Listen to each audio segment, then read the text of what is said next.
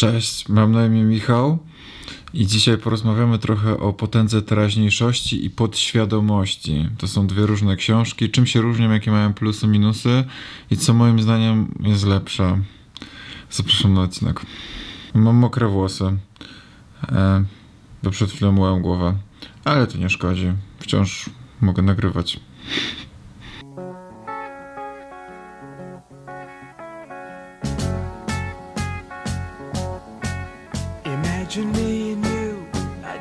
Potęga podświadomości e, często jest mylona z potęgą teraźniejszości przez pewnie słowo, które się znajduje na początku, a mianowicie potęga.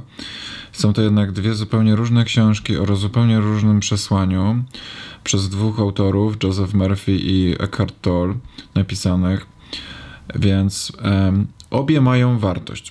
Obie książki są bardzo dobre pod względem takim, że chcą e, wprowadzić nasze życie na lepszy etap, na lepszy poziom. Chcą nam pomóc w życiu, żebyśmy się lepiej czuli i e, wyzwolili z cierpienia.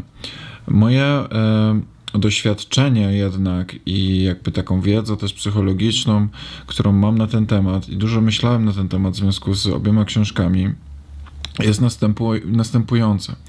Uważam, że potęga podświadomości jest to książka, która nie prowadzi do wyzwolenia, do wyzwolenia z cierpienia. Jest to książka, która uczy nas, jak czuć się pozytywnym, jak e, być optymistą, tak ogólnie mówiąc. Uczy nas myślenia życzeniowego. Myślenie życzeniowe to jest takie na zasadzie, że ja będę myślał o czymś dobrze, to na pewno to mi się przytrafi w życiu. Inaczej zwane takie afirmacje, manifestacje, ludzie to różnie nazywają, w psychologii to nazywamy myśleniem życzeniowym.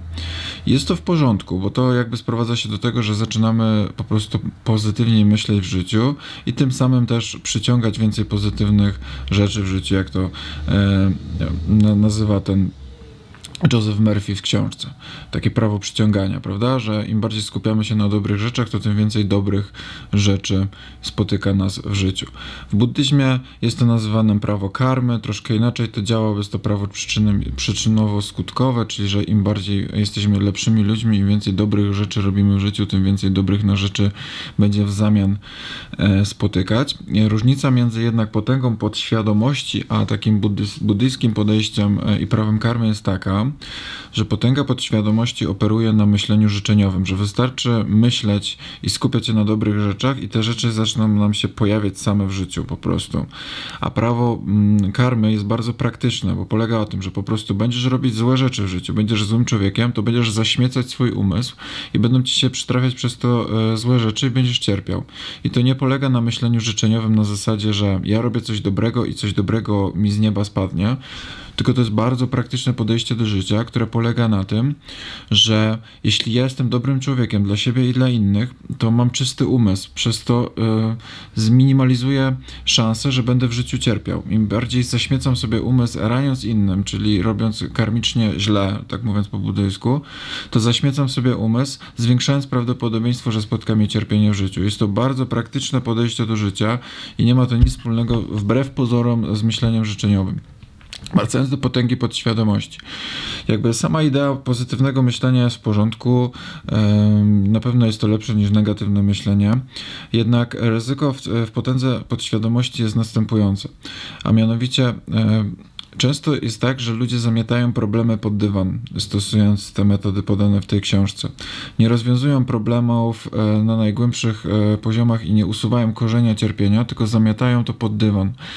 I e, skupiając się na tej powierzchownej, pozytywnej warstw, warstwie tego wszystkiego. I ja bym to porównał do takiej czystej, brudnej szklanki wody, a mianowicie. Twoje życie po potędze, teraźni- po potędze podświadomości zaczyna przypominać e, szklankę z czystą wodą, jednak ten brud opadł e, na dno. I ten brud cały czas tam jest. I niby masz tą czystą szklankę e, z wodą, dopóki ktoś nią nie począśnie. Bo jak ktoś potrząśnie tą szklanką, czyli tobą i twoim życiem, to na nowo zaczynasz mieć brudną wodę i zaczynasz mieć brud w życiu. Żeby usunąć całkowicie brud z szklanki, potrzebne jest dotarcie do korzenia cierpienia, tak że nawet jak ktoś będzie tobą cząsnął i twoim życiem, to to ta woda wciąż pozostanie czysta. Potęga podświadomości usuwa problem na powierzchownym poziomie, dając ci narzędzia do optymistycznego i pozytywnego podejścia do życia, jednak nie usuwa moim zdaniem brudu na najgłębszych poziomach szklanki. E, więc to jest ten minus i ryzyko na tym polega to, że może się wykształcić w tobie tak zwana toksyczna pozytywność, o czym powiem w innym odcinku pewnie. I polega to na tym, że nie dopuszczasz do siebie negatywnych rzeczy i negatywnych emocji, bo tak bardzo jesteś skupiony na przyciąganiu tych dobrych rzeczy, co prowadzi w efekcie do zamiatania bardzo wielu problemów pod dywan, w efekcie czego nawet nie wiesz kiedy to może wszystko wybuchnąć z podwojoną, z dziesięciokrotnioną siłą. Na przykład jak ktoś cię wyprowadzi z równowagi już bardzo, to wszystko to, co zamiotłeś pod dywan, to nagle wyjdzie na wierzch i, i na przykład w, w, eksploduje wręcz, ogromny wybuch agresji, nie? Gniewu. I tu, I tu się wiąże właśnie moim zdaniem niebezpieczeństwo w potędze podświadomości. E, dużo bardziej jednak polecam e, moim zdaniem potęgę teraźniejszości, która uczy, e, jest taką podstawą duchowości, która uczy do docierania najgłębszych poziom swojej e, podświadomości i świadomości tych wszystkich rzeczy, co zamiataliśmy pod dywan przez całe życie.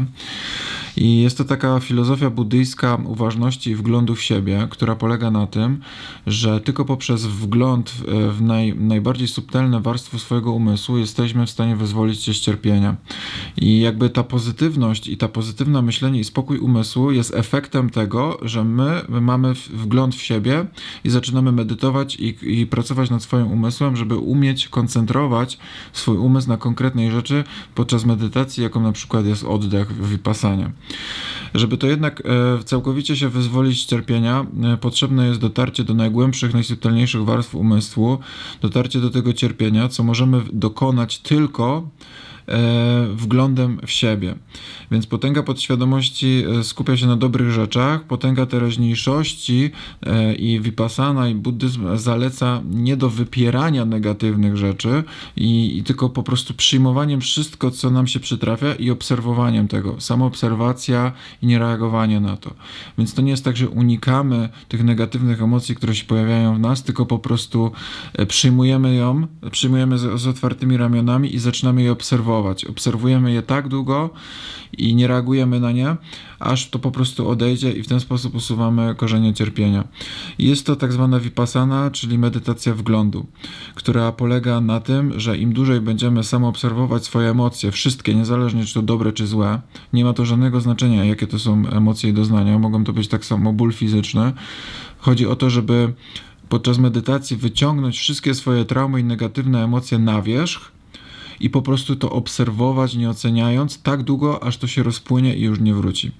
I w ten sposób e, buddyzm określa drogę do wyzwolenia z całkowitego cierpienia i pozytywność, szczęście i spokój umysłu jest efektem tego, że, na, że uczysz umysł e, po prostu nie oceniać i nie reagować, to jest słowo klucz, nie reagować na wszystko, co ci się w życiu przytrafia w związku z doznaniami fizycznymi i psychicznymi. Więc cokolwiek ci się w życiu nie przytrafi, uczy cię to e, pozostać spokojnym i nie reagować emocjonalnie i fizycznie, na przykład też jakimś bólem w klatce piersiowej na to, co ci się przytrafia. Dla większości ludzi, e, szczególnie żyjących na zachodzie, a nie wschodzie, pewnie jest to abstrakcja i nieosiągalne. Dla mnie też to było dopóki nie zacząłem regularnie praktykować codziennie i już widzę, e, to oczywiście do wyzwolenia jest pewnie jeszcze daleka droga, ale już widzę niesamowite efekty, jak reaguję na przykład na agresję innych ludzi, jakiś hejt w internecie, czy negatywne zachowania w moim kierunku, jak zupełnie inaczej zaczynam reagować niż reagowałem e, kilka miesięcy temu. Więc z całą pewnością mogę powiedzieć, że medytacja wglądu, e, potęga teraźniejszości, bo potęga teraźniejszości to jest właśnie medytacja wglądu, uważności. E, to jest droga do wyzwolenia z cierpienia. Pozdrawiam serdecznie, Michał Żegoły.